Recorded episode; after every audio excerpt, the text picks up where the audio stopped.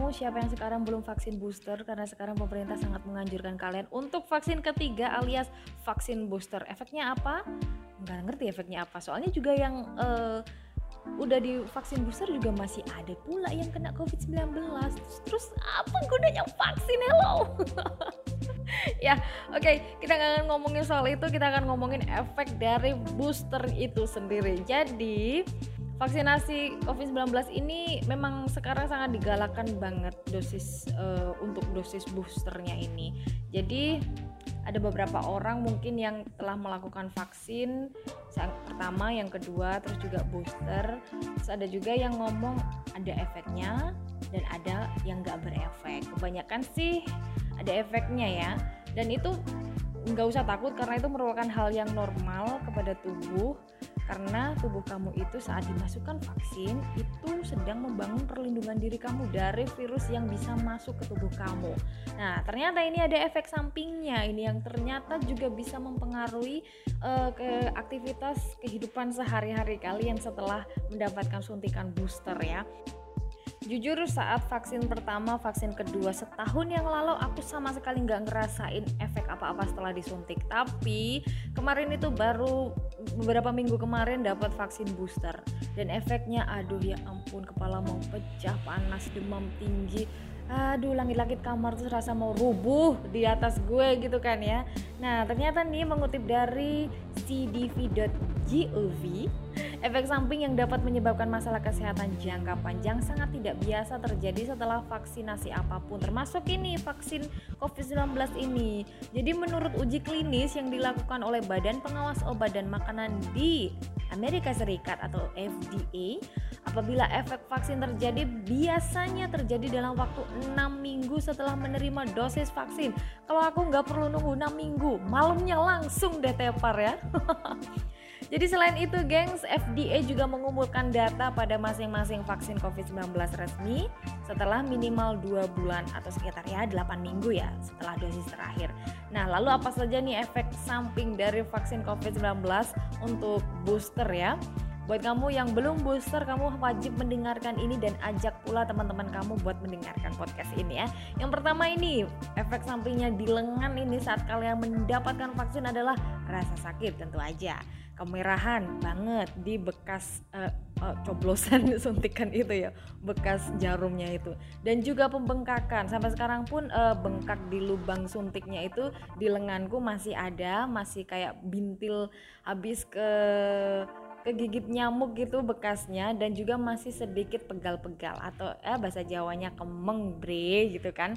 Dan masih tentunya ada rasa sakit ada rasa perih-perih pegal-pegal tentunya itu di lengan.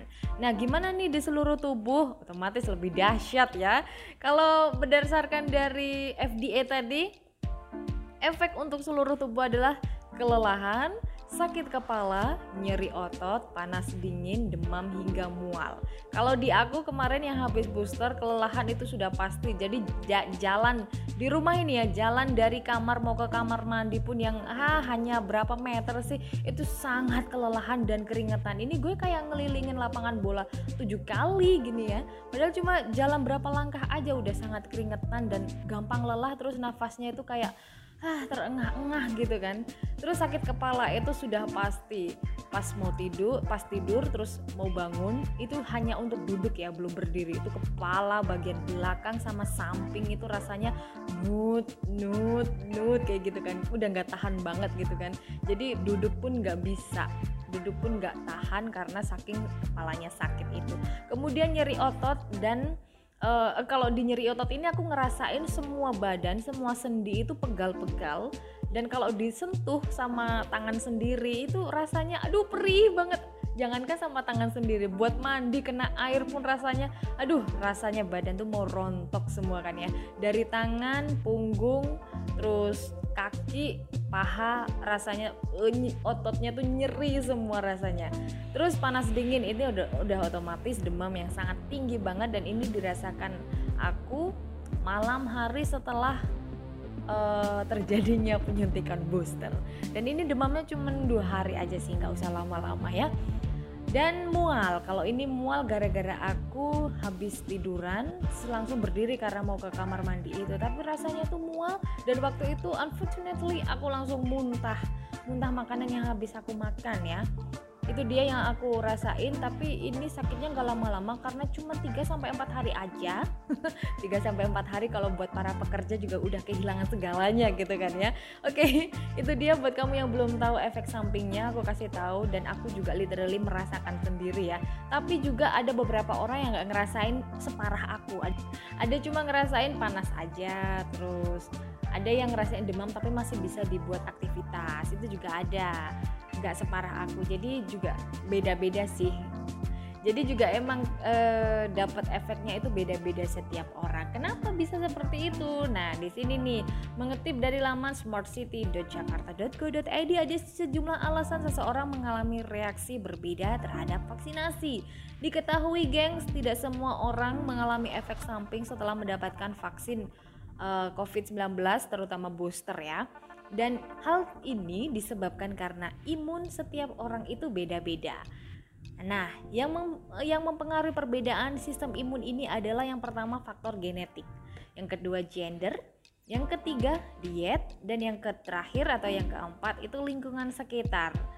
Nah, kalau soal gender mungkin aku percaya. Karena di sekelilingku yang bareng-bareng vaksin ini eh, mereka yang perempuan, mereka yang wanita malah justru yang lebih parah. Sementara yang laki-laki malah ya nggak ngefek nih ke aku. Booster biasa-biasa aja. Paling cuma pegel aja atau nyeri aja di lengan. Tapi buat yang wanita malah justru mereka yang parah termasuk aku. So nggak ngerti. Pokoknya buat kalian jangan lupa kalau mau vaksin paginya harus sarapan.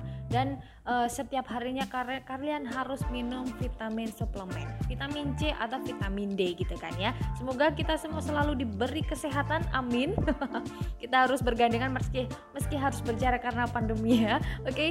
jangan jangan lupa untuk selalu simak Tribun News Podcast. Hanya di Spotify aku Delta Gonzalez goodbye